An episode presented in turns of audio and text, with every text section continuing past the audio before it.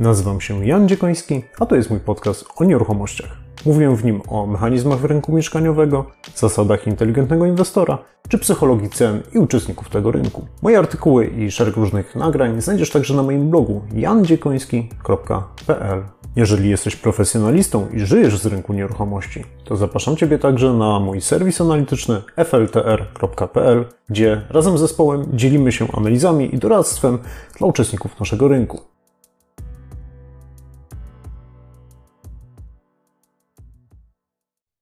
Witaj serdecznie w 2023 roku w pierwszym odcinku podcastu Jan Dziekoński o nieruchomościach i FLTR w tym roku. W dzisiejszym odcinku opowiem Wam o tym, co się wydarzyło w bardzo dużym skrócie w zeszłym roku, jak w cel albo nie w cel trafiły nasze prognozy na, na zeszły rok. A przede wszystkim opowiem Wam, jakie pewniaki, szare nosorożce i czarne łabędzie widzimy na rozpoczynający się właśnie rok. Zanim zaczniemy sam podcast, serdecznie zapraszam Ciebie do polajkowania tego odcinka, dania łapki w górę, wszystko to wspiera naszą działalność i yy, nasz podcast. Jeżeli jesteś po raz pierwszy na tym kanale, to zapraszam Ciebie też serdecznie do subskrypcji. Zaczniemy od wyjaśnienia w telegraficznym skrócie naszej metodyki czy sposobu myślenia w ogóle o, o prognozach na nadchodzący rok, bo nie mamy szklanej kuli, ale mamy taki specyficzny sposób oparty o tak zwane pewniaki, szare nosorożce i czarne łabędzie. Później opowiem bardzo krótko o tym, jak dobrze trafiły nasze prognozy w zeszłym roku i następnie przejdziemy do najciekawszych tematów, to znaczy czego możemy się spodziewać albo czego się nie spodziewamy na rok 2023.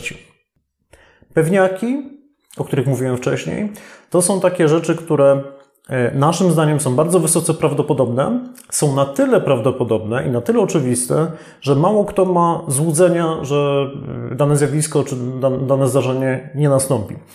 E, jest to o tyle ważne, że skoro jest to tak rozpowszechniona wiedza czy, czy przekonanie, to każdy albo większość z nas prędzej czy później zaczyna wliczać czy zakładać właśnie tego pewniaka w swoich decyzjach, czyli to bardzo mocno rzutuje na, na pewne zachowanie. Przykładem, jeżeli wszyscy jesteśmy przekonani, że będzie wysoka inflacja, to akceptujemy to, że rosną ceny. To jest taki przykład. Jeżeli zakładamy, że ceny będą spadały, a e, inflacja spada, czy następuje dezinflacja tak zwana, a ktoś nam proponuje podwyżkę w sklepie, no to mówimy, no nie, nie, nie, nie, nie, to jest jednak za dużo. To jest taki przykład, powiedzmy, wpływania oczekiwań na, na zachowania ludzi. Kolejną kategorią są szare nosorożce, które są dość prawdopodobnymi zdarzeniami, są z perspektywy czasu nawet wręcz oczywiste, to znaczy wiele y, sygnałów, czy wiele rzeczy nam wskazywało, że dana rzecz nastąpi. Dlatego właśnie to jest ten szary nosorożec, bo to jest taka analogia trochę do właśnie takiego zwierzęcia, które widzimy gdzieś tam w tle sawannę, które być może się do nas zbliża, ale nie jesteśmy tego pewni. I być może je i trochę ignorujemy, wykluczamy, że w ogóle może nastąpić takie zdarzenie, że ten szary nosorożec to nas przybiegnie i na przykład zaatakuje nasz samochód, którym jedziemy przez właśnie e, przez, przez Serengeti czy inny park narodowy. E, no i niestety zdarzenie z takim szarym nosorożcem jest dość e, bolesne. O to chodzi właśnie w tej analogii szarych nosorożców, o uświadomienie sobie i wszystkim dookoła, że są jakieś zjawiska, które w sumie mm, są oczywiste, ale może je zbywamy lub życzeniowo w ogóle o nich nie myślimy, y, wykluczamy je po prostu.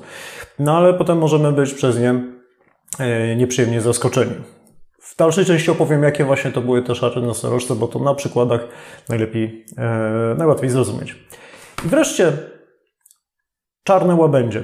Coś, co jest znane z książek, między innymi y, na przykład Nasima Taleba, czyli to są zjawiska mało prawdopodobne, a właściwie książkowo to one są bardzo, bardzo mało prawdopodobne i wręcz niemożliwe do przewidzenia, dlatego trudno się na nie przygotować. W naszym zrozumieniu, w moim zrozumieniu, jak ja tłumaczę czarnego łabędzia, jednak troszeczkę odbiegam od tej takiej definicji książkowej, która może jest trochę zbyt teoretyczna.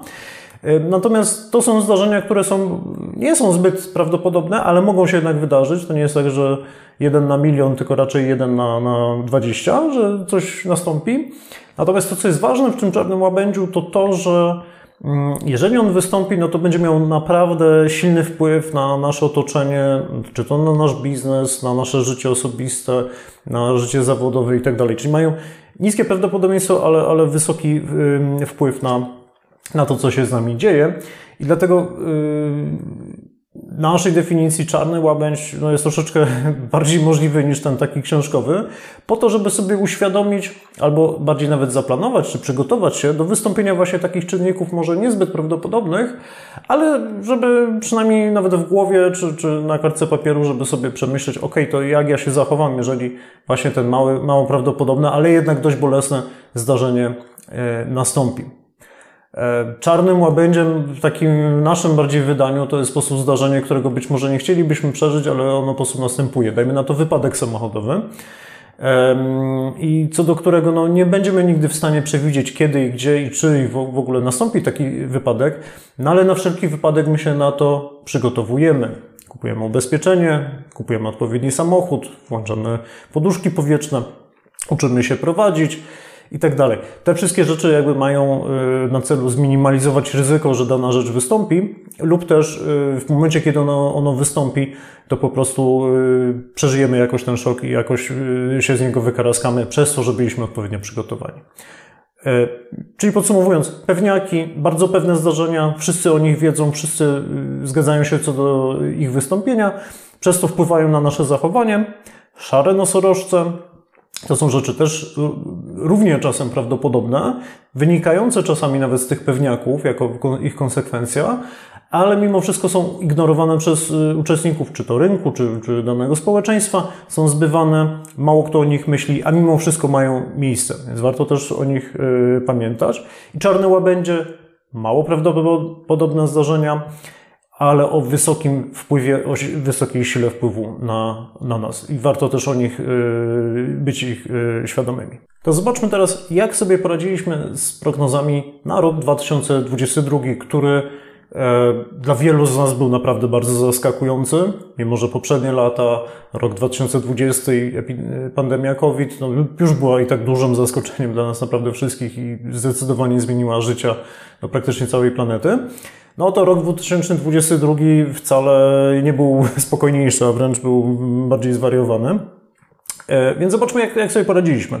Oczywiście y, nasze prognozy czy nasze projekcje zawsze się koncentrowały przede wszystkim na mm, rynku nieruchomości czy otoczeniu tego rynku, czyli na przykład właśnie gospodarce e, y, czy społeczeństwie, więc oczywiście nie, nie prognozowaliśmy nie wiadomo czego, co się wydarzy, kto wygra w jakichś mistrzostwach y, świata w piłce nożnej i tak dalej. E, to nie były, to nie, nie były jakby cele naszych projekcji. Koncentrowaliśmy się na rynku nieruchomości. Wymieniliśmy trzy pewniaki na rok 2022. Powiedzieliśmy, że będzie to rok inflacyjnego zaciskania pasa i hamującego PKB gospodarki, czyli tego, że po prostu gospodarczo będzie nam gorzej w 2022 niż w 2021. No i tutaj myślę, że bez dwóch zdań trafiliśmy. E, byliśmy też pewni, dla nas pewniakiem było to, że będzie to rok dalszego wzrostu stóp procentowych, i to właściwie chyba można byłoby powiedzieć, że wcale nie był pewniak dla wielu osób, tylko szary nosorożec, bo wiele osób było zaskoczonych, że w 2022 roku te stopy procentowe były dalej podnoszone. Wręcz jeszcze w styczniu czy w lutym, kiedy wypuściliśmy rok temu nasze prognozy, wiele osób powątpiewało, że w ogóle y, na przykład stawka WIBOR dojdzie do 5% i ona doszła do niej y, w lutym. I jeszcze szła do góry, zanim jeszcze w ogóle wybuchła wojna y, w Ukrainie która oczywiście też popchnęła te stopy procentowe jeszcze wyżej. Więc jakby już abstrahując od wojny, która oczywiście jest ważnym zdarzeniem, dla nas tym pewniakiem, który trafiliśmy, było to dalsze podnoszenie stóp procentowych. No i ewidentnie obniżenie dostępności finansowania i kapitału po prostu na rynku nieruchomości między innymi. No i też y, no, jako pewniaka też postawiliśmy rok pogarszających się nastrojów y, konsumentów, że ten 2022 rok będzie bardziej pesymistyczny, Abstrahując od, od, samej wojny, no to już i tak gospodarczo faktycznie to spowolnienie y, wywołało to pogorszenie y, nastrojów, to potwierdzały i potwierdzają cały czas badania na przykład GUS-u, które są prowadzone. Mamy najgorsze nastroje po prostu od 15 czy 20 wręcz lat. Więc wszystkie trzy pewniaki trafiliśmy. Jeżeli nie wierzycie, bo w sumie nie dodałem tego wcześniej, to oczywiście e, w tym nagraniu znajdziecie link do poprzedniego nagrania, jeżeli chcielibyście się upewnić, czy faktycznie rok temu e, wskazywaliśmy dokładnie te trzy typy, no i te kolejne, o których zaraz będziemy mówić dalej. Szarych nosorożcy było więcej, było aż 10. No i oczywiście nie trafiliśmy w punkt z każdym z nich, ale z tych 10 trafnie wskazaliśmy aż pięć, które zaraz wymienię. Cztery trafiliśmy tak pół na pół, powiedzmy, znaczy, że się zrealizowały tylko częściowo i tylko z jednym szarym nosorożcem nie trafiliśmy. Mieliśmy rację z tym, że dynamika na rynku nieruchomości bardzo dynamicznie wyhamowała. Dynamika w sensie spadły obroty na rynku nieruchomości, spowolnił wzrost cen. W drugiej połowie roku nawet ceny na rynku wtórnym zaczęły spadać w niektórych miastach, więc ewidentnie no, rynek usiadł. To samo się stało zresztą z rynkiem pierwotnym, czy rynkiem domów, e, czy w sektorze budowlanym, czy materiałów budowlanych. Generalnie cała, cały sektor nieruchomości, z wyjątkiem rynku najmu, o którym zaraz opowiemy, e, bardzo mocno wyhamował. Dla wielu osób mimo wszystko to było mocne zaskoczenie, zarówno dla deweloperów, pośredników, agentów czy inwestorów na tym rynku, fliperów e, między innymi także. No to było dość duże zaskoczenie, więc trafiliśmy z tym szarym nosorożcem no akurat ja osobiście też zresztą do tego byłem trochę przygotowany, no bo sprzedaż pewnego mieszkania, które chciałem zrealizować, zrealizowałem pod koniec 2021 roku, więc jestem zadowolony. Kolejnym takim szarym nosorożcem, z którym trafiliśmy, to była ponowna popularyzacja wynajmu mieszkań. Więc tutaj wskazaliśmy taki, taki czynnik, że ten, mówiliśmy, że rok 2022 będzie stał pod, pod znakiem najmu. Ten najem oczywiście został mocno zasilony przez przyjazd ponad miliona osób z Ukrainy e, uciekających przed wojną, ale tak naprawdę jeszcze styczeń, luty pokazywał po prostu bardzo dynamiczną ciągle wzrost czynszów najmu. Końcówka roku 2021 no już pokazywała, że, że mieszkania y, na wynajem bardzo szybko znikają z rynku. Więc tak naprawdę zanim jeszcze ta wojna wybuchła, to i tak już ten rynek był dość mocno przeczyszczony. Wskutek oczywiście też y, napływu dużej liczby migrantów, ale też wzrostu stóp procentowych, tego, że y, kupno mieszkania na kredyt przestało być alternatywą dla większości y, z Polaków. No, jednak mieszkania na wynajem zaczęły się dość mocno rozchodzić, jak ciepłe bułeczki, praktycznie prawie do końca roku 2022. Tutaj ewidentnie trafiliśmy. E, trafiliśmy też z punktem, który był zwłaszcza przez osoby interesujące się rynkami finansowymi e, trochę zbywany, mm, to zakładaliśmy jako taki szary nosorożec zacieśnienie polityki pieniężnej nie tylko w Polsce, czyli to, co, o czym mówiliśmy w pewniakach, ale też w kluczowych gospodarkach, takich jak Stany Zjednoczone, strefa euro, czy też na przykład Wielka Brytania, y, czy, czy Szwajcaria, czyli po prostu stopy procentowe także w tych krajach były, zostały mm, podniesione.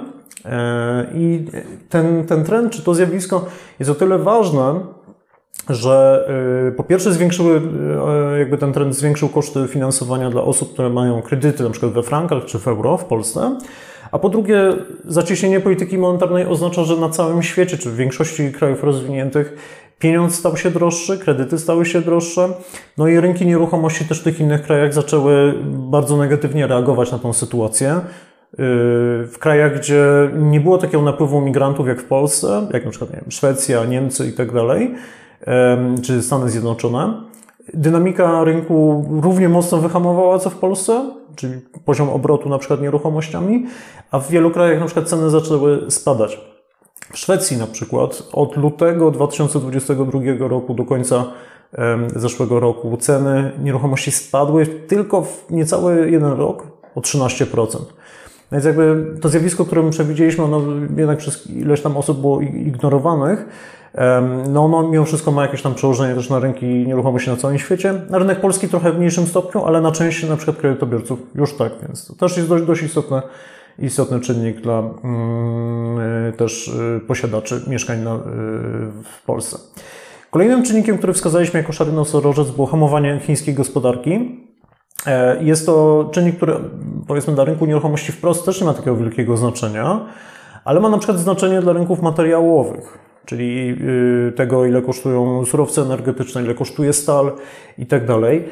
I faktycznie też trafiliśmy z tym, bo mm, chińska gospodarka w zeszłym roku dość mocno podlegała jakby takim ograniczeniom wynikającym z mm, polityki zero COVID. I y, ten czynnik miał tyle znaczenie, że z jednej strony e, hamował inflację pewnych, y, cen pewnych surowców. Oczywiście wszyscy powiemy, no tak, ale przecież te surowce bardzo mocno zdrożały, ale zdrożały przez wojnę w Ukrainie. Natomiast gdyby Chiny nie były w cudzysłowie zamknięte przez COVID, no to te wzrosty cen byłyby jeszcze wyższe. No, Chiny konsumują połowę światowego zużycia stali i węgla i przypuszczam, że około 1 trzeciej zużycia na przykład paliw, więc ta gospodarka ma niesamowite znaczenie jakby dla, dla popytu właśnie na te surowce. No i między innymi przez to hamowanie y, rynku nieruchomości na świecie, ale też właśnie w Chinach, bo tam też jest y, kilka, że tak powiem, perypetii z tym rynkiem nieruchomości, to okazało się, że e, ceny, ceny na przykład stali od wybuchu wojny na Ukrainie y, spadają. Był szok taki skoku do góry, ale już od tego czasu spadają i one już spadły do poziomu z roku 2021. O tym zresztą opowiemy później. No i wreszcie ostatnim takim trafieniem z naszej strony takiego szarego nosorożca były przed, tak zwane przedwyborcze zawirowania. Stwierdziliśmy, że no, w roku 2022 przez to, że e, no, zbliżają się wybory, zagęszcza się, że tak powiem, sytuacja polityczna, no to e, spodziewaliśmy się ze strony rządzących polityków coraz więcej zmian czy, czy pomysłów różnych reform wokół y, rynku nieruchomości. No i faktycznie w tym zeszłym roku wiele rzeczy się pojawiło. Były wakacje kredytowe, które zostały ogłoszone w zeszłym roku. Pojawił się pod koniec roku też pomysł y, programu Bezpieczny Kredyt 2%, y, o którym mówiłem w innym nagraniu. No i co niemiara było pomysłów związanych z, jak, z tym, jak ułatwić budowanie domów, tam, y, domów jednorodzinnych, czy jak walczyć z patodeweloperką i faktycznie ostatnio się pojawiło siedem pomysłów na, na różne zmiany w regulacjach.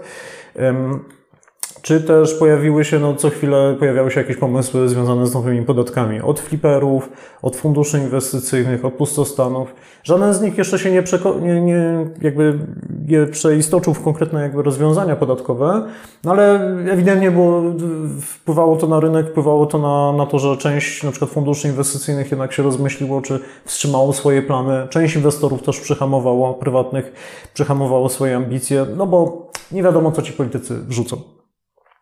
E, cztery, cztery rzeczy, które y, tak częściowo tylko trafiliśmy e, w 2022 roku, no to był szok demograficzno-spadkowy. Zakładaliśmy, że po tak dużej liczbie nadmiarowych śmierci w trakcie pandemii COVID, e, duża ilość nieruchomości właśnie, które trafiały w spadkach do innych osób, trafi na rynek i zasili też podażowo ten rynek. Tak dużego szoku nie było, Między innymi przez to, że przypuszczamy, że napływ właśnie dużej liczby migrantów z zagranicy też miał wszystko ten rynek jakoś tam zasilił. Ale to, z czym trafiliśmy, to fakt, że no, liczba Polaków bardzo drastycznie spadła, e, co potwierdził e, opublikowany właśnie w zeszłym roku Narodowy Spis Powszechny, no, który pokazał, że w 2021 jeszcze roku, kiedy spis ten był przeprowadzony, było w Polsce raptem 37 milionów osób. 37 milionów. Nie od zawsze uczono w szkole, czy zawsze, gdzie ktoś mówił, ile jest osób w Polsce, zawsze używało się liczby 38 milionów. No ale jednak y, spis powszechny potwierdził, że jednak emigracja, czy starzające się społeczeństwo doprowadziło do tego, że e, Polaków i rezydentów, czyli także obcokrajowców, którzy mieszkają w Polsce dłużej niż przez 12 miesięcy, ta liczba spadła do 37 milionów. O tyle nie trafiliśmy, że no, y, wybuch wojny doprowadził do tego, że oczywiście ta liczba się została zasilona przez niecały, y, lekko ponad milion y, nowych mieszkańców, więc no, tak pół na pół trafione. Zapo przewidywaliśmy też, że takim szarym nosorożcem mogą być kolejne podatki, które, cóż, w takim okresie spowolnienia gospodarczego pewnie przyszłyby ze strony polityków. E, nie trafiliśmy dlatego, że e, w sumie w zeszłym roku żaden nowy podatek nie wszedł w życie w obszarze rynku nieruchomości. Tak naprawdę taki istotna zmiana dopiero wchodzi teraz w 2023 roku, czyli zniesienie możliwości amortyzacji e, kosztów w przypadku wynajmu oraz wzrost podatku od nieruchomości, takie jakby istotne.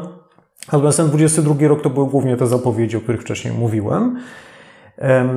Wskazywaliśmy, że jakby to hamowanie dynamiki PKB i takie pogłębiające się być może spowolnienie gospodarcze będzie prowadziło do spadku dynamiki wynagrodzeń i być może wzrostu bezrobocia. I tutaj trafiliśmy częściowo, bo y, bezrobocie w Polsce praktycznie nie drgnęło. Mamy bardzo silny rynek pracy, Niestety troszeczkę to wynika z tego, że mamy słabą demografię, mamy mało pracowników, ma, więc mamy tak naprawdę niską aktywność ekonomiczną ludności. no ale bezrobocie jako tako faktycznie nie, nie, nie, nie wzrosło, e, mimo tego spowolnienia gospodarczego, które już widzieliśmy w zeszłym roku, to e, dynamika wynagrodzeń spadła. Spadła w ujęciu realnym, w tym sensie, że faktycznie w zeszłym roku wzrost płac był bardzo szybki, właśnie przez inflację, bo wyniósł ponad 13% przeciętnie. Natomiast jeżeli popatrzymy i porównamy to z inflacją, która na koniec zeszłego roku wyniosła ponad 16%, to realna dynamika płac była ujemna. To znaczy, że nasza siła nabywcza tak naprawdę spadała. Tym bardziej, że to w ogóle są średnie, więc e, na przykład e, siła nabywcza emerytów, czy osób pracujących w małych przedsiębiorstwach, czy na przykład w gastronomii, tak naprawdę spadała mocniej, bo tam te wzrosty wynagrodzeń były jeszcze niższe. I ostatnim takim częściowo tylko trafionym e, szarym nosorożcem były upadłości w branży nieruchomości. E, mianowicie zakładaliśmy i przypuszczaliśmy, że jeżeli nastąpi takie spowolnienie gospodarcze, to zwłaszcza na rynku nieruchomości, to pewnie te upadłości w branży nieruchomości mogą się nasilać. I trafiliśmy o tyle, że faktycznie liczby jakby procesów upadłościowych czy restrukturyzacyjnych które były uruchomione w 2022 roku, były wyższe niż w 2021. Było tego więcej około 20 do 50%, w zależności od konkretnego PKD e, firm, zarówno właśnie firm budowlanych, deweloperskich czy obrotu nieruchomościami. Natomiast jakichś takich super spektakularnych wydarzeń jeszcze nie było. Żadna bardzo znana firma nie, nie upadła, ale już z początkiem 2023 roku, 5 stycznia konkretnie, znana przez, wśród niektórych inwestorów y, firma Berg Holding, która tak naprawdę jest spółką matką takiej firmy Śląskiej Kamienice, bardziej znanej, no złożyła do sądu wniosek o um, otwarcie postępowania sanacyjnego. To jest taki quasi y, postępowanie zbliżone do upadłościowego. No po prostu firma się trochę ugięła pod y, naporem po prostu długu, jaki był zaciągnięty przy niskiej sprzedaży, no i szeregu różnych, powiedzmy, rzeczy, które no, po prostu nastąpiły w ciągu ostatnich kilku lat w przypadku tej firmy, no bo tam jest dłuższa historia jakby tego przedsiębiorstwa i jego problemów, no to faktycznie te ostatnia sytuacja związana ze stopami procentowymi i spowolnieniem y, obrotu na rynku nieruchomości no, ujawniła troszeczkę, że, że takie słabości. No.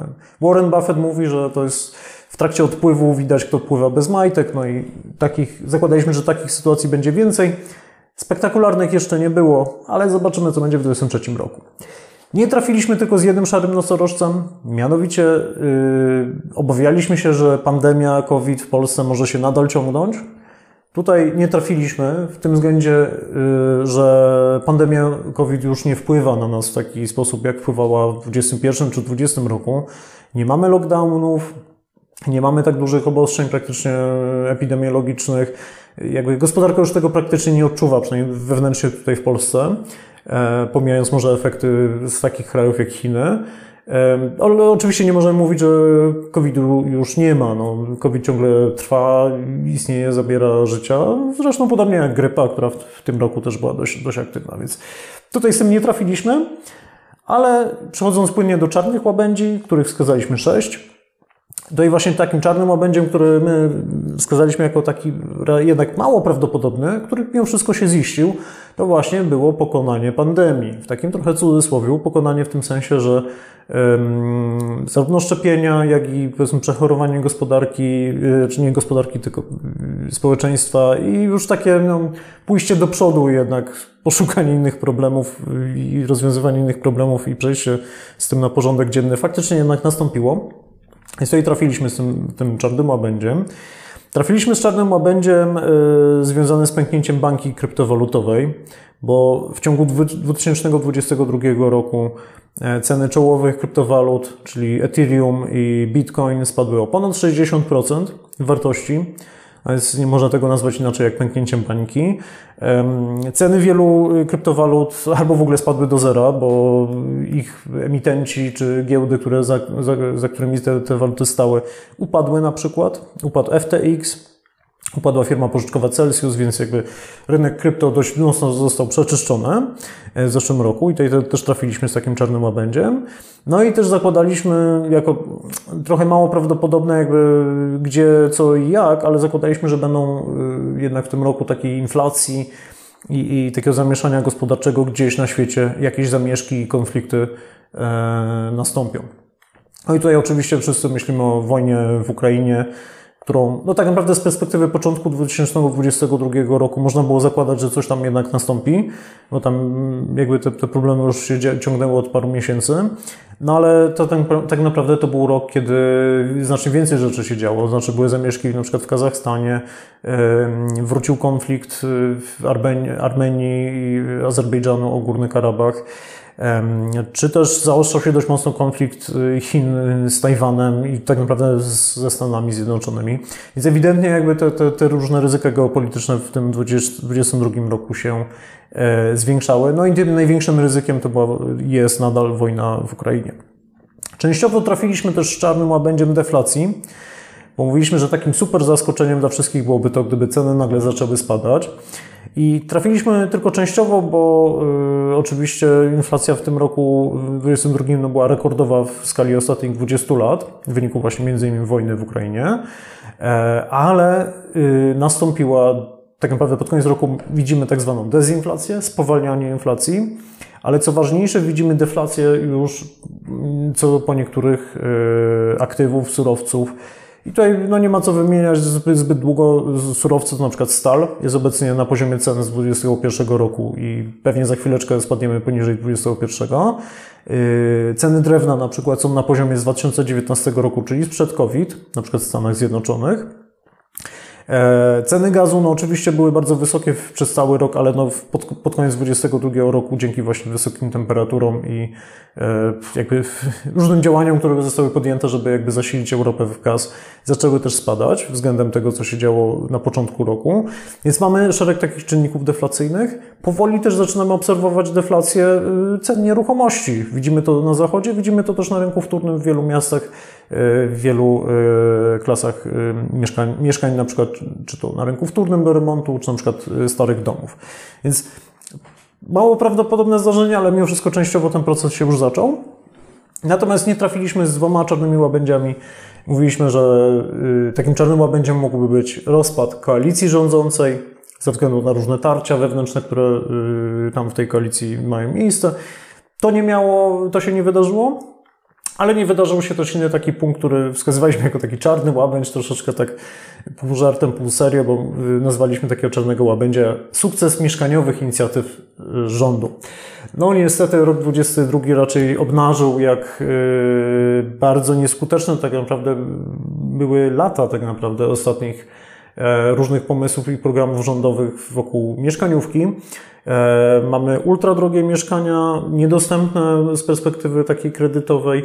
Mamy ultra drogi najem, niedostępny znowu kosztowo dla, dla wielu z nas. Pod koniec zeszłego roku e, wielu Polaków w ogóle przestało szukać mieszkań na wynajem i zniknęli z rynku. Co pokazuje tak naprawdę, można powiedzieć, dużą porażkę jakby różnych działań, nie tylko tego rządu, ale też i poprzednich. Ale żeby tak dodać no, troszeczkę takiego plusika, no, y, kilka zmian nastąpiło w zeszłym roku, takich nawet kosmetycznych, których może na co dzień nie widzicie, ale na, na przykład zostały zmienione y, poziomy dofinansowania dla y, budownictwa komunalnego i faktycznie liczba uruchomionych budów w obszarze komunalnym wzrosła względem poprzedniego roku. Więc coś tam się zaczęło dziać, no ale takiej w skali dużej, no to na razie jest słabo.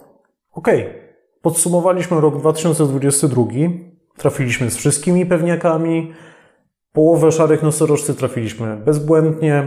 40% tak pół na pół. Tylko z jednym szarym nosorożcem nie trafiliśmy, więc moim zdaniem poszło nam całkiem nieźle. E, w czarnych łabędziach też połowę trafiliśmy. Oczywiście to nie są to takie nie do przewidzenia czarne łabędzie, bo to byłoby wręcz niemożliwe, no ale mimo wszystko te Nasze, nasze przewidywania na rok 2022 były całkiem niezłe.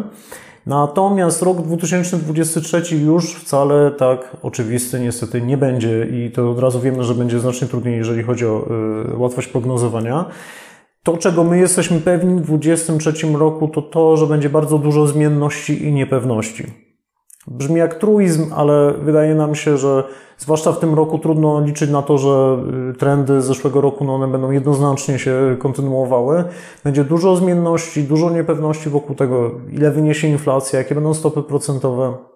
jak szybko będzie postępowała deglobalizacja, która się zaczęła w 2021 roku i w 2022 zdecydowanie przyspiesza, jak zmiany demograficzne i migracja będzie wpływała na nasz y, kraj, nasz rynek nieruchomości, jak konflikty takie jak właśnie wojna w Ukrainie, ale też na przykład zmagania Stanów Zjednoczonych z Chinami, będzie, jak będą wyglądały, co nam przyniosą wybory, które będą miały miejsce w październiku albo w listopadzie tego roku, no i jak na to wszystko jeszcze wpłyną różne zmiany technologiczne, innowacje, y, ale też na przykład zmiany klimatu, w jaki sposób będą jakby y, wpływały, y, czy walka ze zmianami klimatowymi będą wpływały na ten, tenże sektor.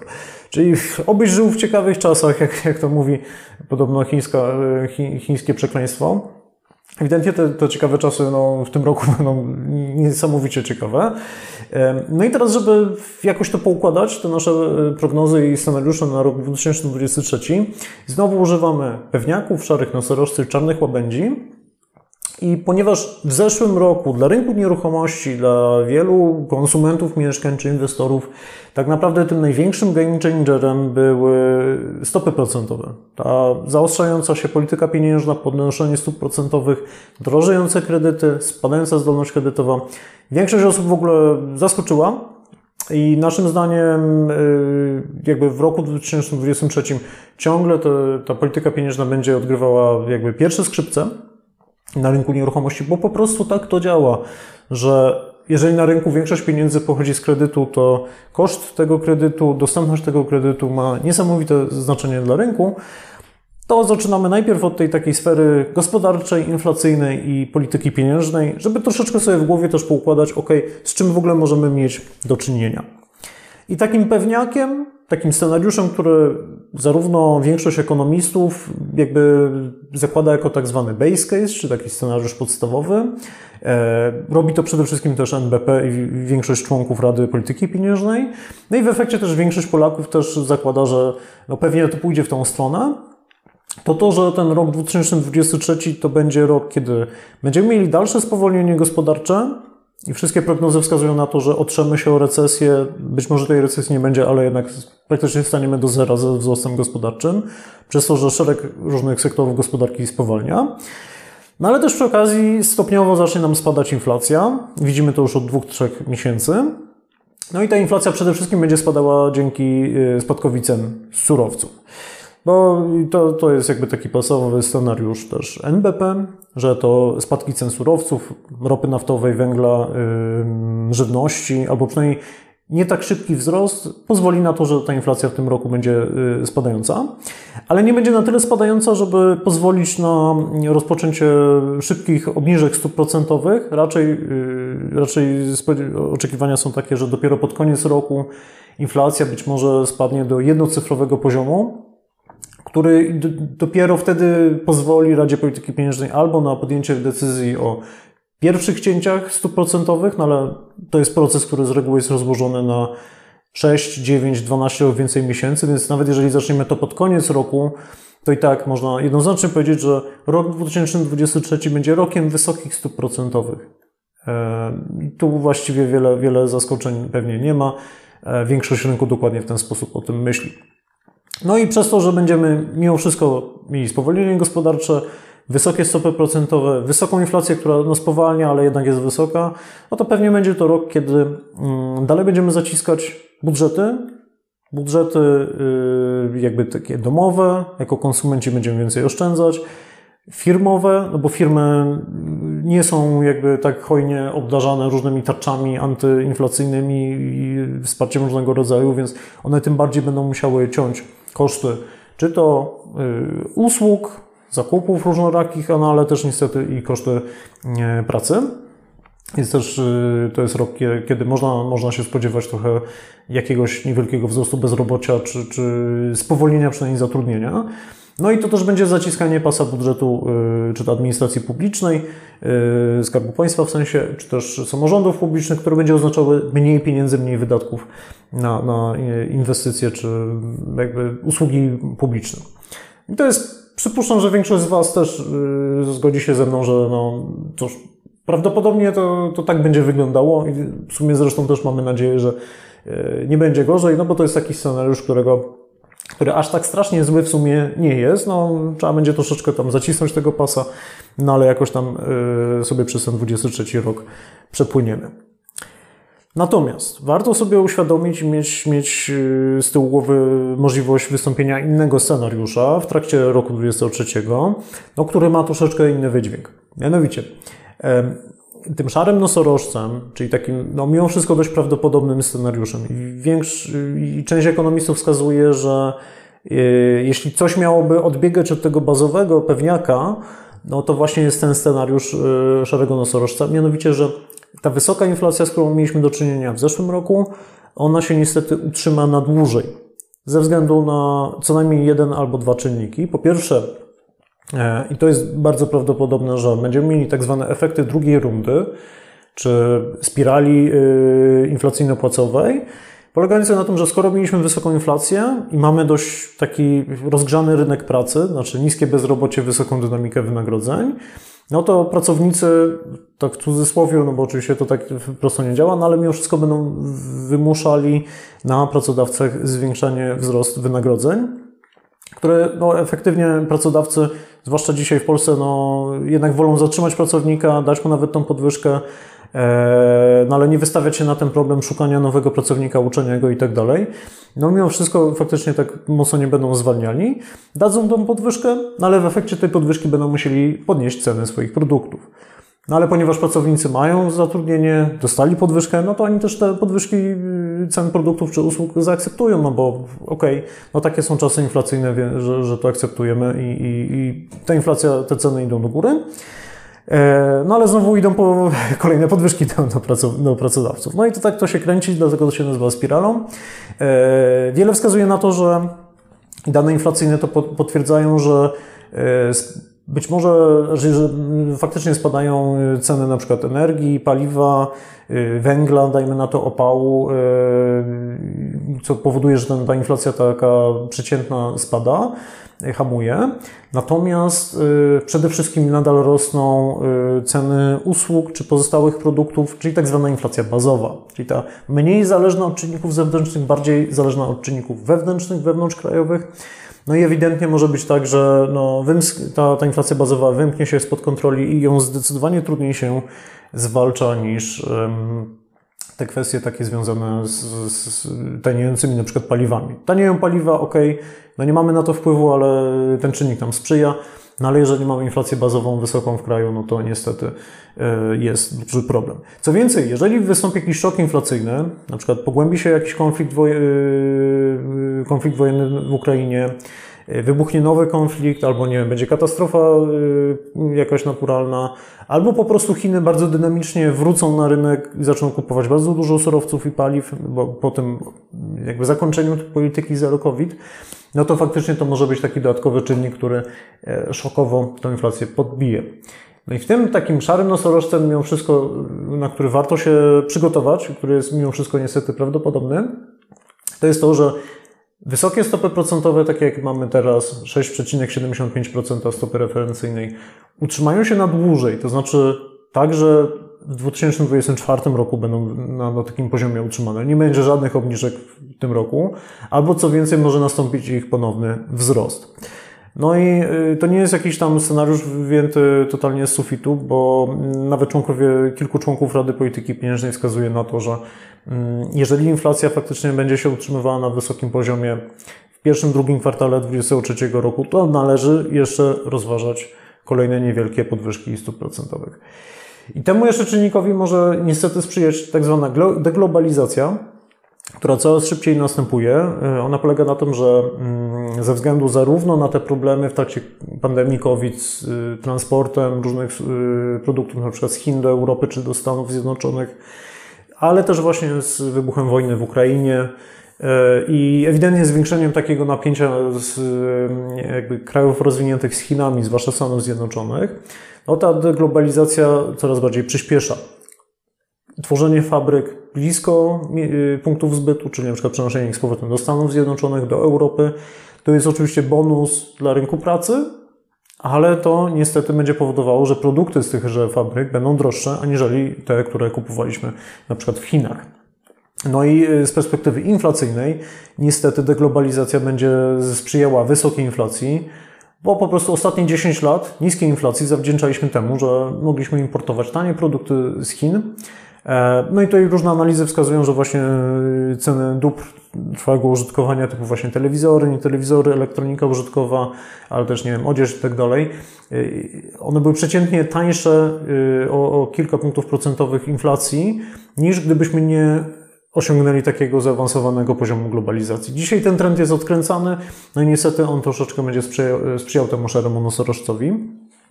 No i wreszcie może być tak, że o ile nasz bank, y, y, nasz y, bank centralny może nie jest taki hop do przodu, jeżeli chodzi o podnoszenie stóp procentowych i walkę z inflacją, no to tą politykę może mimo wszystko też wesprzeć to, że inne globalne banki centralne, tak jak amerykański Fed, czy Europejski Bank Centralny będą y, znacznie bardziej jakby zdeterminowane do walki z wysoką inflacją, bo w tych gospodarkach też ta sytuacja ma miejsce. No i wysokie stopy w krajach zachodnich, no mimo wszystko też mogą sprzyjać temu, że powstanie presja na wzrost stóp procentowych w Polsce, no bo chociażby to się przekłada na, na kurs walutowy, a kurs walutowy znowu się przekłada na to, za ile kupujemy paliwa, no i pach, mamy, mamy efekt inflacyjny. No i tym gospodarczym takim czarnym łabędziem mało prawdopodobnym scenariuszem, jednak wielu ekonomistów y, mówi, że to jest bardzo mało prawdopodobne, że to nastąpi, ale warto gdzieś to mieć tam z tyłu głowy i ewentualnie jakoś tam przygotować to swój biznes, czy samego siebie, y, czy swoje inwestycje do tego czarnego łabędzia. Jest silna recesja i wzrost bezrobocia, ale dzięki temu też y, szybki spadek inflacji. Bo z reguły no jakby jedno idzie z drugim. Rozgrzana gospodarka oznacza wysoką inflację, recesja oznacza spadek inflacji, nawet de deflację. No i e, nikt do końca dzisiaj nie powie, jakie czynniki mogłyby taką recesję wywołać to musiała być na, na przykład bardzo silna recesja płynąca z zachodniej Europy, gdzie bardzo dużo produktów eksportujemy, ale jeżeli będzie kryzys na przykład w Niemczech, we Francji, yy, w Holandii, w Anglii i tak dalej, no to nas być może niestety to też nie ominie. Trzeba pamiętać o tym, że to może przyjść po prostu z zewnątrz, jeżeli dodamy do tego jeszcze jakieś niespodzianki. Natomiast ten scenariusz będzie miał jedną implikację, mianowicie yy, w przypadku recesji należy się spodziewać tego, że Obniżki stóp procentowych jednak nastąpią szybciej, być może w drugiej połowie 2023 roku. I zapewne te obniżki stóp procentowych byłyby szybsze i głębsze, aniżeli e, w tym naszym scenariuszu pewniaka. Dlaczego? No bo te obniżki miałyby po prostu stymulować gospodarkę. No i o ile mm, to byłaby dobra sytuacja dla osób, które chciałyby zaciągnąć kredyt, no bo w takiej sytuacji wzrosłaby ich zdolność kredytowa, a te osoby, które mają kredyty w walucie złotych e, na stopie zmiennej, też mogłyby po prostu zredukować dzięki temu swoje raty kredytów, więc no to byłby jakiś tam pozytywny efekt. No ale pytanie, czy na pewno byśmy chcieli mieć te niższe stopy kosztem właśnie recesji wyższego bezrobocia, więc warto się oczywiście na tym zastanowić. No dobra, Znamy otoczenie gospodarcze, znamy trzy scenariusze, co może nas czekać gospodarczo w roku 2023. Czas teraz przejść do rynku nieruchomości. Pewniakami na rok 2023 e, są trzy następujące wątki. Po pierwsze, zakładamy, i to zresztą nie tylko my, to widać w wypowiedziach deweloperów, e, jakby osoba w wypowiedziach pośredników nieruchomości, E, ekonomistów, no ale też w oczekiwaniach różnych uczestników rynku, jest to, że ten 23 rok będzie rokiem bardzo niskich obrotów na rynku nieruchomości, bardzo niskiej sprzedaży kredytów. No bo skoro przez praktycznie cały rok yy, możemy się spodziewać ciągle tych wysokich stóp procentowych, bardzo niskiej klienteli, jakby jeżeli chodzi o yy, klientów kredytowych, nawet jeżeli wejdzie program Bezpieczny Kredyt 2%, to nastąpi to najwcześniej w drugiej połowie tego roku i on raczej się będzie dopiero rozpędzał. I z tego co na razie wiemy, on dotknie tylko osoby, osób zamożnych i tylko przesunie co najwyżej w czasie y, ich zakupy. No to jakby większość osób na tym rynku zakłada, że po prostu no, będzie słabo. Jeżeli 120 tysięcy kredytów zostało sprzedanych w roku 2022, Przeciętnie w poprzednich latach to było około 200-250 tysięcy kredytów, no to na rok 2023 e, na przykład branża bankowa liczy, że będzie tych kredytów około 80 tysięcy. No efektywnie y, też większość deweloperów zakłada, że sprzedaż w 2023 roku pewnie będzie no co najwyżej na poziomie zeszłego roku, ale zapewne będzie jeszcze niższa. No i tutaj jakby wiele cudów nie ma, dopóki ten kredyt będzie tak drogi, zdolność kredytowa tak niska, no to y, wielu zmian nie można się spodziewać. Nawet jeżeli na przykład KNF złagodziłby mm, rekomendacje związane z, tak zwanym buforem na ryzyko stopy procentowej, no to tak naprawdę te zdolności kredytowe co najwyżej wrócą do poziomu z kwietnia, marca roku 2022, kiedy tak naprawdę sytuacja na rynku nieruchomości już dość szybko się zaczynała pogarszać. W 2023 roku, no po prostu takim nieomal pewniakiem jest to, że ten rok będzie ciągle takim szorowaniem po dnie. Drugim pewniakiem, przynajmniej z naszej strony, y, jest to, że y, najem, rynek najmu przejdzie trochę w taki tryb uśpienia. Nie w tym sensie, że nikt nie będzie wynajmował, no ale jakby ta rozgrzana sytuacja, to wariactwo jakby rynku najmu w roku 2022 w roku 2023 już się uspokoi. Będzie raczej, będziemy obserwowali raczej stabilizację czynszów, bo tak naprawdę w ostatnich dwóch, trzech miesiącach e, październik, listopad, grudzień 2022 roku powoli widzimy takie delikatne nawet spadki ofertowych czynszów najmu. Przez to, że tak naprawdę ta poprzeczka cenowa została podniesiona bardzo wysoko. Jeżeli za kawalerkę w Warszawie płaci się nie 1500-2000 zł jak kiedyś, tylko 2,5, 3, 3,5, 4 tysiące zł nawet w nowszych budynkach, E, no a mieszkanie już dla powiedzmy pary, czy dla y, pary z dzieckiem, czy dwójką dzieci to są wydatki rzędu 5, 6, 7 tysięcy złotych. No to no, tak naprawdę już za bardzo nie ma przestrzeni, przynajmniej dla normalnych, y, normalnie zarabiających ludzi, żeby zaakceptować jeszcze jakieś wyższe y, czynsze. Co więcej, przy rosnących kosztach, jak na przykład utrzymania tych mieszkań, e, kosztów wody, ogrzewania, prądu itd. Tak więc w czynszach spodziewamy się stabilizacji, spodziewamy się też uśpienia i mniejszego zainteresowania najmem e, wśród e, rezydentów, w sensie Polaków, ale też i obcokrajowców po prostu mieszkających dłużej w Polsce, którzy już mają jakieś mieszkanie, albo je wynajmują od kogoś, albo mieszkają, ktoś, kto mieszka z rodzicami, albo mieszka ze znajomymi, po prostu w kilka osób w dużym mieszkaniu. Po prostu te osoby nie będą zmieniały tych mieszkań. I nawet jeżeli dostały jakieś podwyżki czynszów od e, swoich właścicieli, no to przypuszczalnie te propozycje podwyżek w większości przypadków nie będą tak wysokie jak e, oczekiwania rynkowe, no bo z reguły też jest tak, że jeżeli już kilka lat w danym miejscu mieszkamy, właściciel jest e, też tego mieszkania, no można powiedzieć, czuje się komfortowo z najemcą, najemca się czuje komfortowo z właścicielem, jest zaufanie, terminowa płatność i tak dalej po co ryzykować z nowym najemcą, który może zapłaci więcej, ale potem może nie straci płacę, pracę, yy, zniszczy mieszkanie i tak.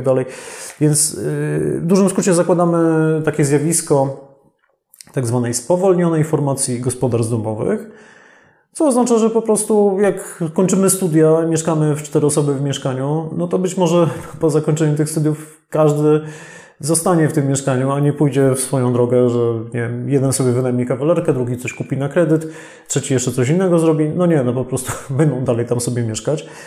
E, I to zjawisko jest potwierdzane przez y, kilka osób, z którymi rozmawiałem, które zarządzają mieszkaniami na wynajem albo są pośrednikami w obrocie nieruchomościami że faktycznie przynajmniej w dużych miastach e, z rynku odpłynęli e, jakby tacy stali mieszkańcy i praktycznie pozostali tylko e, imigranci czy osoby przenoszące się z innych miast, no, które po prostu coś mu wynająć muszą, no, bo gdzieś mieszkać, jakieś mieszkanie muszą pozyskać. No i faktycznie na, na rynku praktycznie te osoby pozostały. W efekcie spadł po prostu popyt na wynajem. Oczywiście y, to jest tak zwany pewniak. Jeżeli nastąpi jakaś szokowa sytuacja, typu właśnie znowu duży przypływ migrantów, no to można się spodziewać, że ten rynek znowu zostanie trochę wyczyszczony. No ale jeżeli byśmy zakładali, ok, co, co najprawdopodobniej się wydarzy, no to to jest ten scenariusz. No i trzecim pewniakiem, który, który widzimy i który w sumie już troszeczkę się zaczął realizować w 2022 roku, ale w 2023 jesteśmy przekonani, że to będzie zdecydowanie bardziej widoczne, to znaczenie imigrantów, osób, które migrują do Polski właśnie za pracą albo właśnie uchodźców, e, na rynku obrotu nieruchomościami, czyli zakupu mieszkań z rynku wtórnego czy pierwotnego, będzie znacznie większy. No bo duża część z tych osób, y, które nawet jeżeli to byli na przykład uchodźcy z Ukrainy, no to oczywiście, że w pierwszym, w pierwszym rzucie większość z tych osób po prostu wynajmowała jakieś mieszkania, czy dokwaterowywała się gdzieś, tak na tymczasem, no ale ponieważ cała y, niestety sytuacja wojenna w Ukrainie się przedłuża i można zakładać, że część z tych osób, ponieważ już wysłała dzieci do pracy, y, do, do, do szkoły, nie do pracy, sami poszli do pracy, a dzieci poszły do szkoły, no to po jakby przemieszkaniu już paru miesięcy w Polsce prawdopodobnie stwierdzi, że zostanie tu na dłużej. I przy bardzo niskich zakupach jakby lokalnych rezydentów, czy mieszkańców już tutaj takich długo, długoterminowych w Polsce, jesteśmy przekonani, że obecność Ukraińców, Białorusinów, ale też migrantów z Europy Zachodniej, no bo też mamy migrację na przykład z Hiszpanii, e, będzie miała miejsce i będą mieli jakby większe, większy udział w rynku po prostu w Polsce. O ile w 2021 roku e, obcokrajowcy kupili w Polsce około 4% mieszkań, to spodziewam się, że w 2023 roku no, ten udział będzie znacznie większy, więc to też jest taka też podpowiedź, jeżeli ktoś chce sprzedać mieszkanie e, własne albo jest po prostu pośrednikiem, no to trzeba się po prostu y, zastanowić, w jaki sposób po prostu dotrzeć tak naprawdę do tych obcokrajowców.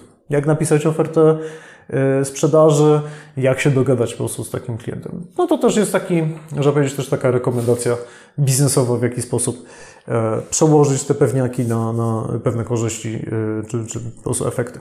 Ok, tyle z pewniakami. Trzech tematów jesteśmy e, pewni. Natomiast osiem szarych nosorożcy to są takie obszary, które mm, nam się wydają bardzo prawdopodobne. Mm, wiele osób jakby ignoruje te tematy. No i pewnie one są mniej, mniej szeroko jakby akceptowane jako, jako coś, co faktycznie wystąpi. I widzimy osiem takich właśnie tematów. Pierwszym jest to, że spodziewamy się bardzo mocnego, y, mocno wyraźnego spadku cen na rynku wtórnym. E, I szczerze, tak naprawdę już od trzeciego kwartału 2022 roku obserwujemy mm, taką tendencję, taki trend, że e, oferty, ceny ofertowe mieszkań na rynku wtórnym już zaczynają spadać. E, w Warszawie zwłaszcza tu, tu nastąpił największy spadek cen ofertowych o 4% w skali w skali jednego kwartału. Widzimy to też obserwując jakby dostępność ofert na rynku, w jakich one są cenach. Coraz niżej jakby się zaczyna e, ustawiać ta poprzeczka cenowa. E, I to przede wszystkim oczywiście dotyczy mieszkań wymagających generalnego remontu, w mniej atrakcyjnych lokalizacjach albo jakichś mniej atrakcyjnych po prostu budynkach które no, z reguły w momencie, kiedy jest odpływ rynkowy, no to one pierwsze reagują na, na odpływ popytu, na małe zainteresowanie, no bo dzisiaj na rynku de facto pozostał tylko klient gotówkowy, który albo szuka fajnego mieszkania na wynajem, albo jeżeli kupuje dla siebie, no to ma jednak duże oczekiwania, no i on nie będzie byle czego kupował. No więc oczywiście najbardziej poszkodowane są właśnie te mm, niższej jakości y, oferty z rynku wtórnego, na przykład też mogą to być domy z okresu PRL-u, które nie przeszły termomodernizacji, ciągle mają jakiś stary piec na węgiel albo mało efektywny piec na gaz, gdzie po prostu koszty utrzymania takich nieruchomości są wysokie. I spodziewamy się, że w, w tym roku 2023 ten spadek cen będzie wyra bardziej wyraźny. On już będzie dotyczy dotyczył większości miast, większości segmentów mieszkaniowych. No i pewnie te 5 do 10% w niektórych y, obszarach rynkowych spadków jeszcze w tym 2023 roku y, pewnie zobaczymy.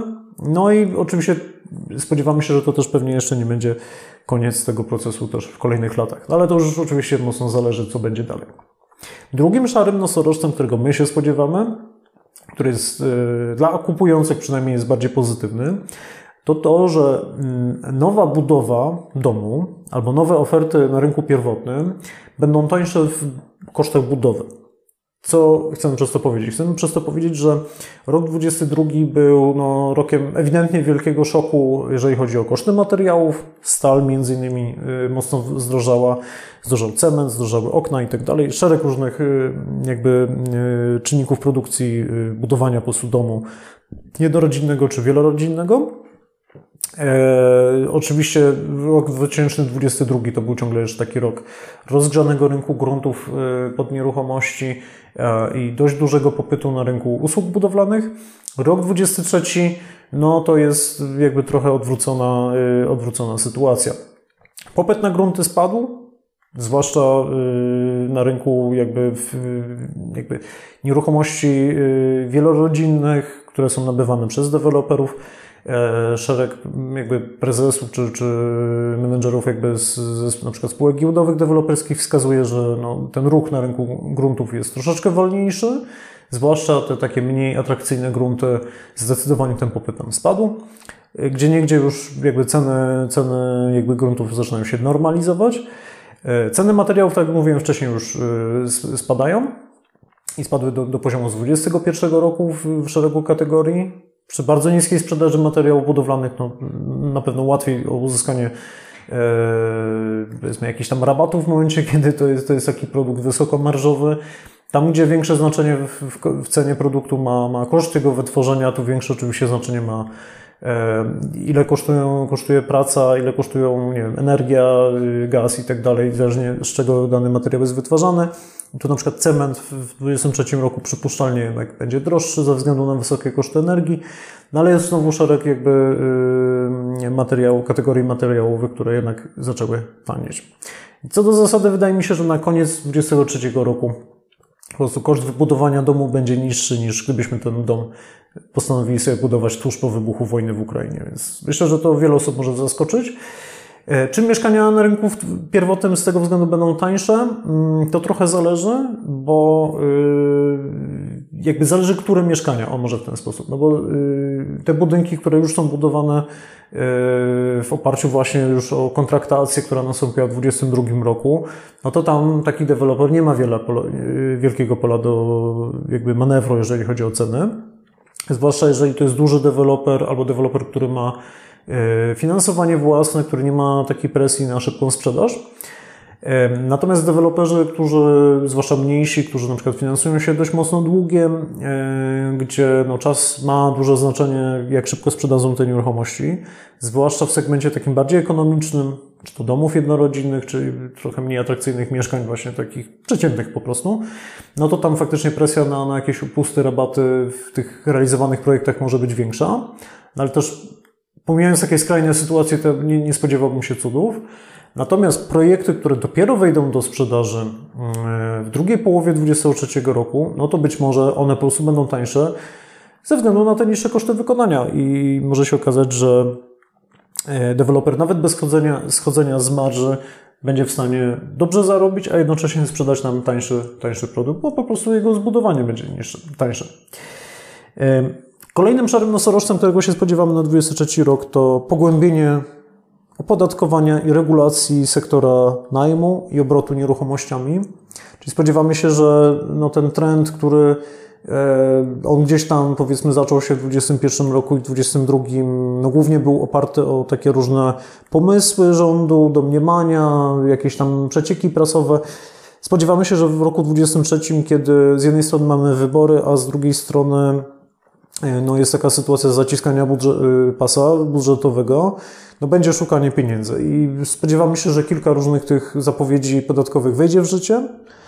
E, wchodzi chociażby od kwietnia obowiązek posiadania świadectwa energetycznego w momencie, kiedy chcemy sprzedać nieruchomość albo ją wynająć. I spodziewamy się, że po prostu w tym roku tych różnych, różnorakich pomysłów może się pojawić y, znacznie więcej. Czwartym szarym nosorożcem będzie Pogłębiająca się e, fala upadłości i konsolidacji branży nieruchomości i budowlanej, czyli znowu kontynuacja tego, co się w 2022 roku rozpędzało i co z początkiem tego roku już jakieś tam bardziej znane nazwy zaczęły się pojawiać, no to sądzimy, że ten 23 rok, ponieważ no, jesteśmy na, można powiedzieć, tym dnie sprzedaży, e, pewnie już gorzej nie będzie, ale na razie jeszcze się też nie poprawi, no to mimo wszystko E, coraz więcej firm, zwłaszcza takich mocno zadłużonych, no niestety może mm, dojść na, na skraj po prostu jakiejś tam wydolności finansowej. No i bardziej znane nazwy się mogą tutaj e, pojawić. Oczywiście ten trend może się przerodzić też w coś innego. Mianowicie w konsolidację, czyli mm, mniejsze firmy mogą być po prostu kupowane, przejmowane przez większe podmioty, może nastąpić jakaś ciekawa fuzja, czy zaskakujące przejęcie, no bo cóż, jeżeli spada rynek, spada, nie wiem, spadają przychody całej branży, no to typowo ta konsolidacja po prostu ma, miejsce. E, no i cóż, możecie być zaskoczeni, że nagle jeden deweloper się przemaluje na zupełnie innego, czy, czy jakaś firma wynajmująca mieszkania nagle będzie się kompletnie inaczej nazywała. Kolejnym piątym szarym nosorożcem będzie rozwój e, długoterminowych alternatyw do posiadania mieszkania. Co mam na myśli?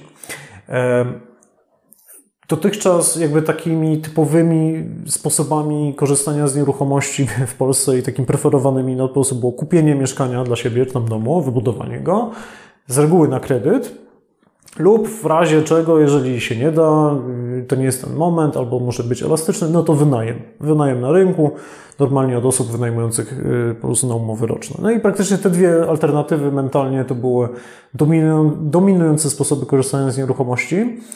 E, natomiast e, wydaje nam się, że no w sytuacji, kiedy jedno i drugie jest nieosiągalne i bardzo drogie, to do skutku dojdą po prostu e, te różne programy rządowe, które w ostatnich tam latach i dekadach były wdrażane. Czyli na przykład myślę, że sporo osób może się przeprosić z takimi rozwiązaniami jak TBS-y, czy właściwie te w nowym wydaniu to są społeczne inicjatywy mieszkaniowe, SIMy, o których też mówiłem ostatnio w jednym z, z nagrań yy, poświęconych tematowi kupować czy wynajmować. Mogą to być społeczne agencje najmu, których zbyt wiele w tej chwili nie ma, ale yy, coraz więcej miast zaczyna się tym interesować. E, coraz więcej powstaje mieszkań komunalnych, które są skierowane do osób najuboższych, ale to też jest coś, co pewnie będzie coraz bardziej akceptowalne i dopuszczane jako rozwiązanie po prostu na, na problem mieszkaniowy. No i w różnych jakby obszarach jakby zaczną pojawiać się, zacznie rosnąć taka akceptacja po prostu dla, dla tego innej, jeszcze trzeciej drogi można powiedzieć dla, dla posiadania. Na pewno sektor PRS, y, który już w ostatnich latach przyspieszył swój rozwój, no to też gdzieś tam się pojawi na, na radarze wielu osób, które stwierdzą, że być może to jest fajny kompromis między skoro nie mogę kupić mieszkania e, dla siebie na kredyt, no to będę wynajmował w funduszu PRS, bo przynajmniej to jest zbliżone jakością do, do posiadania e, własnego mieszkania. I przypuszczam, że też się pojawią jakieś innowacje rynkowe. Jakąś taką innowacją rynkową ostatnio było odgrzanie takiego pomysłu przez firmę JW Construction, w postaci sprzedania domu na raty, w których y, osoba nie ma kredytu, nie ma zdolności kredytowej y, i po prostu w ratach wykupuje taki dom kupowany od, tej firmy deweloperskiej. To tak naprawdę nie jest nowy pomysł, no ale jest troszeczkę odpowiedzią na, na potrzeby rynku w danej chwili i myślę, że takich innowacji po prostu będzie, będzie coraz więcej. Szóstym szarym nosorożcem będzie rozwój y, alternatywnych klas inwestycyjnych. I to, to jest taki temat może trochę bardziej dla osób, które zajmują się nieruchomościami komercyjnymi, funduszami, y, inwestowaniem y, w grunt i rozwojem tych gruntów, czyli land development, y, czy pośredniczących właśnie w tego typu transakcjach. No i myśli, jesteśmy przekonani, że w tym roku te klasy, które, klasy aktywów, które trochę spowolniły w 2022 roku przez właśnie ryzyko wojenne, wzrost kosztów finansowania, jak PRS, Private Rented Sector, czyli mieszkania wynajmowane przez fundusze. Spodziewamy się, że no w roku 2023 dalej będą się rozwijały. PRS-y być może nie, nie w takim tempie, jak to było w 2021 roku, bo jest wiele ryzyk i, i takich znaków zapytania, zwłaszcza w obszarze tego, co wymyślą rządzący w tematyce podatkowej e, i co się wydarzy też ze stopami procentowymi. Natomiast jesteśmy przekonani, że no w tym otoczeniu rynkowym e, i deweloperzy, i inwestorzy będą szukali jakichś innych sposobów na, na e, zarabianie pieniędzy. I y, mogą to być klasyczne, takie już znane w Polsce budynki, y, po prostu akademiki, domy, domy studenckie, które kilka sieci takich akademików bardzo profesjonalnych, dla, skierowanych przede wszystkim dla y, jakby obcokrajowców, dla studentów przyjeżdżających na wymianę do Polski. Ten sektor pewnie znowu stanie się gdzieś tam na, na wróci na celownik i myślimy, że e, ze względu właśnie na taki trochę zapaść tego rynku deweloperskiego zacznie się szukanie też innych alternatyw i tutaj przede wszystkim domy senioralne i kwatery pracownicze mogą stać się właśnie takim obszarem, gdzie ten wzrost rynku może się pojawić. Domy senioralne tutaj demografia jednoznacznie wskazuje potrzebę na, na tego typu produkt. I przykłady z zachodu potwierdzają, że, że jest to taka wiarygodna klasa aktywów. A kwatery pracownicze to znowu jest skutek trochę tego, że ten rynek pracy w Polsce jest dość nagrzany. Deglobalizacja oznacza przenoszenie miejsc produkcji między innymi do Polski, które wymaga pozyskiwania nowych pracowników, to często są osoby przyjeżdżające z zagranicy, no i gdzieś te osoby po prostu muszą mieszkać. I kwatery pracownicze to znowu są te, tego typu produkty skierowane do, e, bardziej do agencji pracy, które gdzieś po prostu pracowników jakby lokują, e, kwaterują, no i to jest znowu klasa aktywów, która e, jest poniżej tak zwanego radaru, ona jest mniej znana, takich powiedzmy Y, bardziej profesjonalnych kręgach, natomiast wśród inwestorów prywatnych no, y, jest to klasa, która ewidentnie w tej chwili przeżywa tam, można powiedzieć, pewien boom. Y, siódmym szarym nosorożcem jest tak zwane pogłębienie mikrosegmentacji ofert. Co przez to rozumiemy? Rozumiemy to przez to, że co bardziej aktywne, innowacyjne firmy, odpowiadając troszeczkę na tą sytuację rynkową, w której sprzedaż mieszkań spadła, i raczej szybko nie wzrośnie. Sprzedaż kredytów spadła i też za szybko nie wzrośnie. E, być może najem też trochę spowolni. Mm, no, będą musiały w jakiś sposób sobie radzić na tym rynku. No i z reguły malejący rynek powoduje, że rośnie konkurencja. Innowacyjne firmy pogłębiają y, właśnie takie tworzenie nowych produktów czy usług skierowanych do lub adresujących potrzeby e, i oczekiwania takich małych segmentów y, klientów. Czyli zamiast stawiać na masówkę, budujemy te same domy do wszystkich, y, że tak powiem, na jedno kopyto, które w efekcie, jak ten rynek, popyt nagle znika, nikt nie jest zainteresowany. Raczej y, sądzimy, że na przykład deweloperka się przesunie na przykład domów jednorodzinnych w kierunku indywidualizacji dla klienta zamożnego. Pojawią się nowe rozwiązania typu finansowanie pomostowe, czy pomoc w jakiejś przeprowadzce, którą zwłaszcza jest istotne w momencie, kiedy ktoś, żeby kupić na przykład dom od nas, czy jakąś nieruchomość, inną nieruchomość musi sprzedać. E, czy też inne sposoby na docieranie właśnie do najemców, który, których po prostu też znowu bardziej zindywidualizowane potrzeby się pojawią, zwłaszcza w tych droższych mieszkaniach, które dzisiaj już są bardzo drogie. No i znowu, co, co chcemy przez to powiedzieć, po prostu e, to, że ten rok 23 to nie będzie rok, gdzie proste rozwiązania, powtarzalne, jakieś takie sztampowe produkty i usługi, one będą identycznie działały, będą się dobrze sprzedawały? Nie. Naszym zdaniem w tym roku 2023, tym trudnym de facto roku, e, wygrają te firmy, które po prostu będą bardzo kreatywnie docierać z bardzo specyficznymi, bardzo pomysłowymi rozwiązaniami na rynek.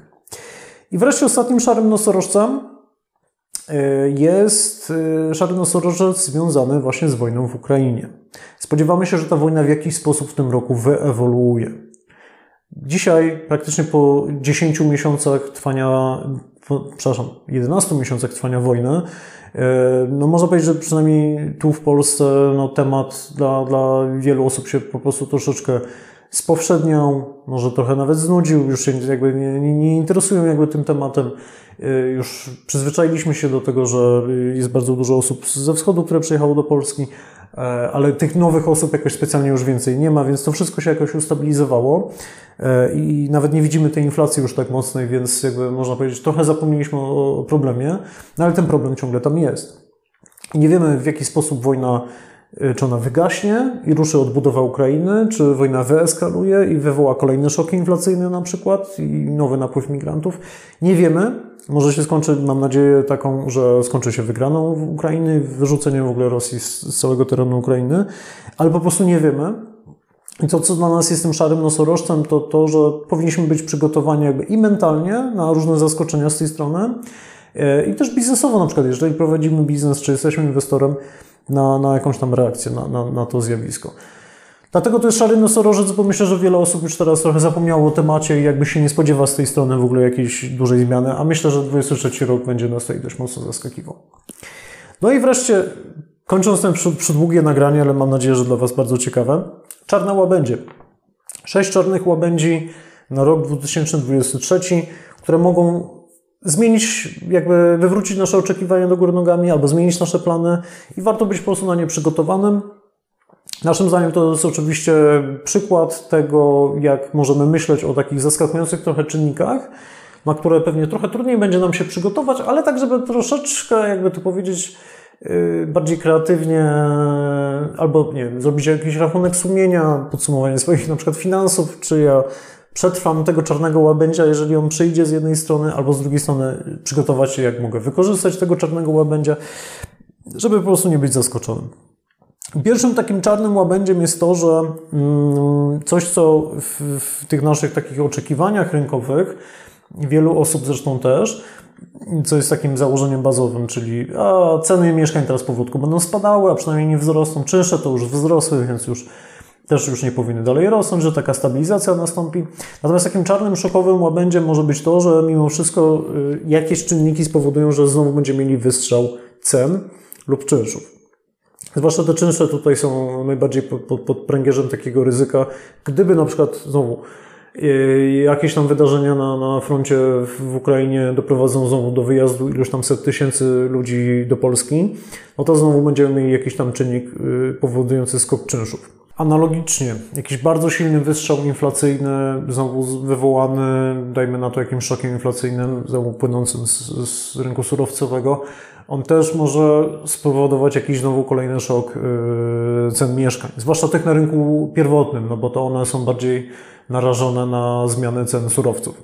Jeżeli stal nagle zdrożeje dwukrotnie, yy, nie wiem, ceny okien skoczą przez to w górę, czy tam yy, ceny okien to akurat przez ceny na przykład energii, czy tam CO2, czy tam cement i tak dalej, no to ewidentnie wybudowanie nowego budynku stanie się znacznie droższe. Rynek wtórny być może nie będzie tak, tak na to wrażliwy, no bo to, to, zwłaszcza stare budynki i mieszkania na rynku wtórnym zostały już dawno temu wybudowane, ale trzeba gdzieś o tym pamiętać. W tym sensie, jak się do, jakby troszeczkę zareagować na, na, to ryzyko.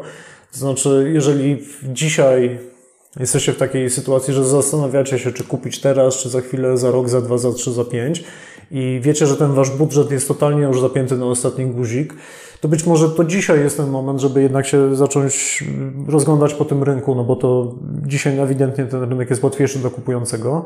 I być może jednak dzisiaj to kupić, niż wystawiać się na ryzyko tego, że właśnie na przykład ta wojna w Ukrainie wy, wyewoluuje w tą stronę, że nagle ten nasz pomysł, to nasze marzenie o tym domu czy mieszkaniu po prostu gdzieś tam wyparuje. Więc bardziej chodzi właśnie o tego typu czynniki, żeby pewnych rzeczy jednak raczej nie odkładać, bo możemy po prostu być niemile zaskoczonymi przez jakiegoś czarnego łabędzia.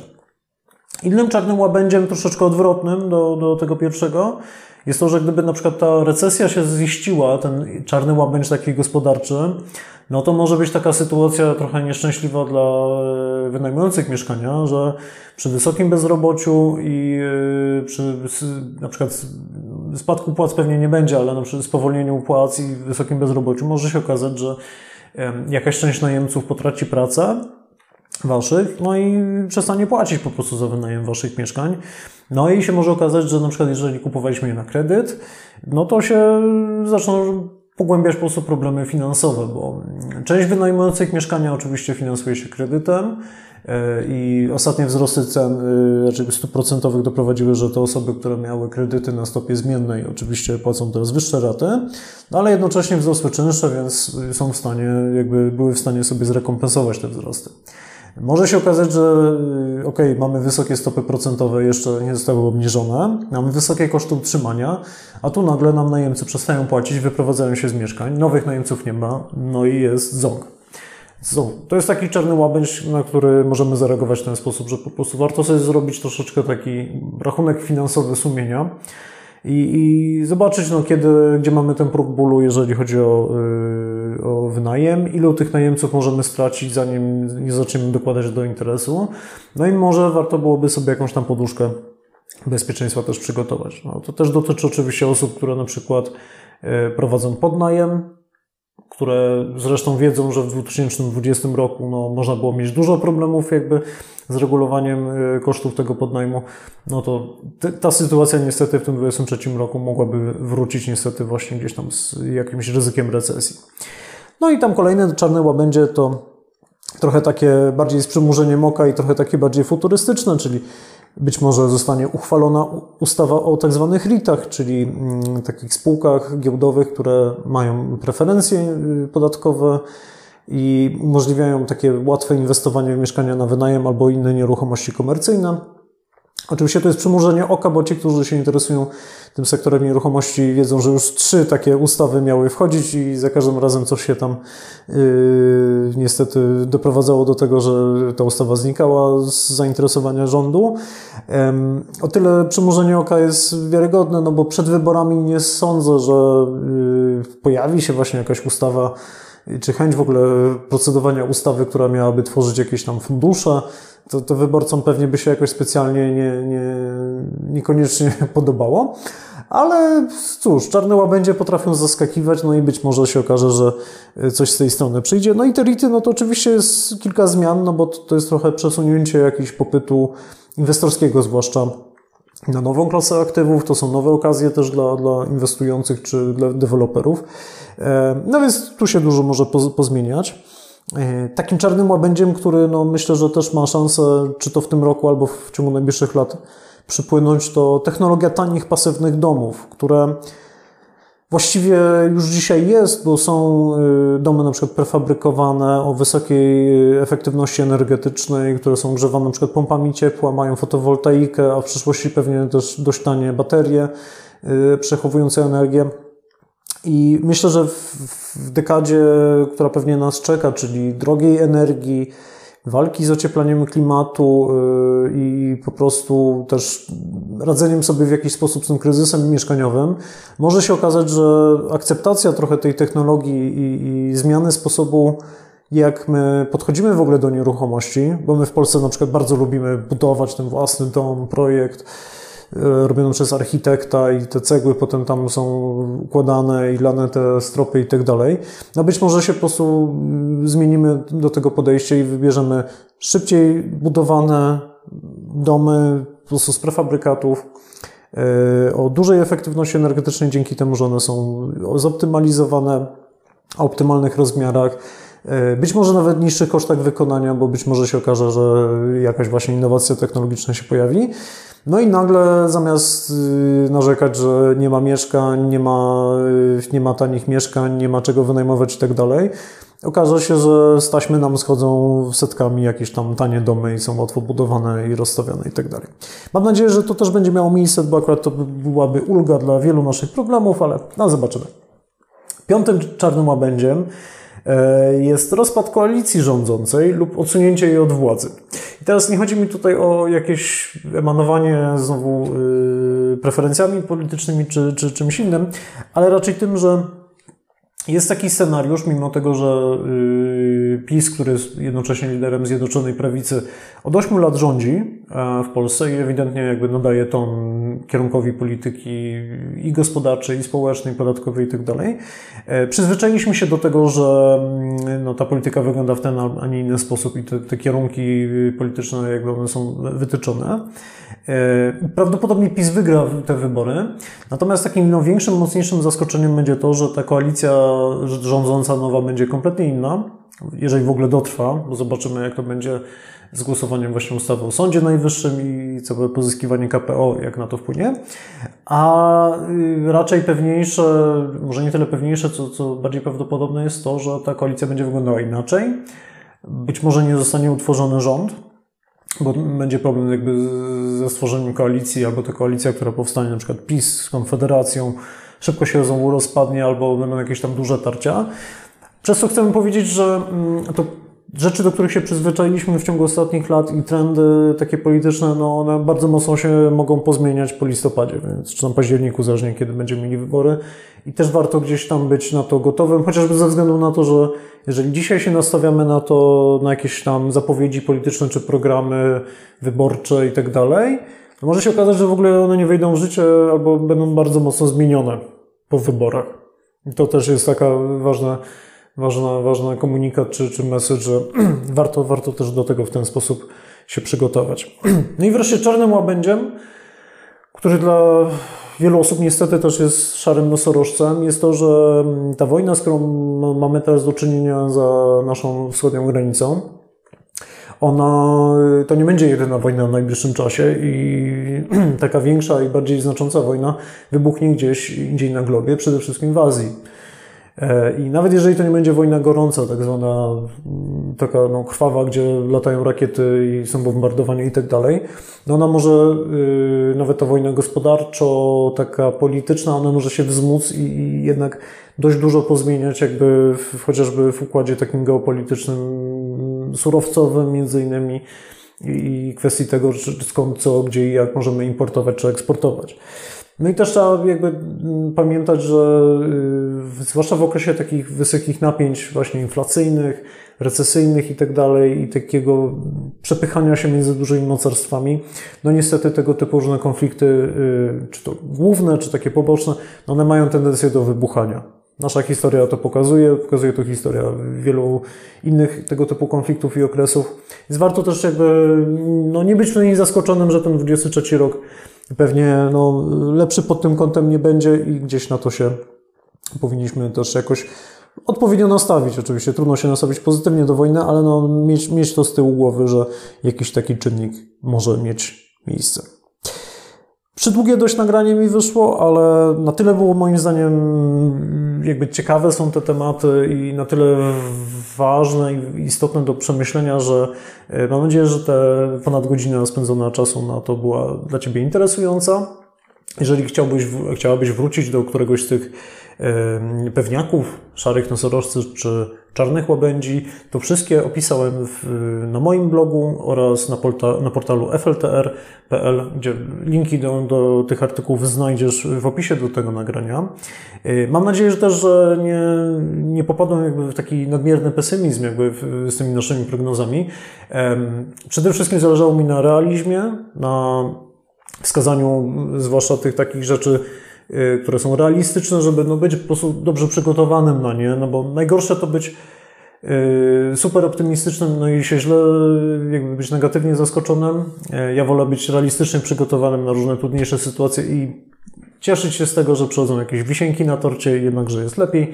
I ja co do zasady w ogóle jestem optymistą i mam nadzieję, że ten 23 rok będzie znacznie lepszy niż w tym, co przewidujemy. No ale no, warto się przygotować na to, że no, pewne rzeczy będą trudne w tym roku. E, no ale cóż, y, dobrze przygotowany inwestor, przedsiębiorca, czy po prostu człowiek no, y, z reguły radzi sobie bardzo dobrze. Więc mam nadzieję, że przede wszystkim to nagranie, ta nasza analiza, te nasze prognozy na 23 rok przede wszystkim pomogą Tobie w przygotowaniu się na ten okres, żebyś wyszedł, wyszła z niego jeszcze silniejsza, z jeszcze lepszymi inwestycjami, czy z jeszcze lepiej rozwiniętą firmą, no i żeby po prostu to był dla Ciebie dobry rok. Dziękuję Wam serdecznie za poświęcony czas. Jeżeli podobał Ci się ten odcinek, jeszcze raz proszę serdecznie o łapkę w górę, lajka, serduszko, wszystko to, co może wesprzeć jakby ten podcast i zapraszam Ciebie jeszcze raz do subskrypcji oraz do śledzenia moich kanałów na e, mediach społecznościowych, czy odwiedzenia po prostu mojego bloga jandziekoński.pl oraz portalu dla profesjonalistów rynku nieruchomości fltr.pl. Do usłyszenia.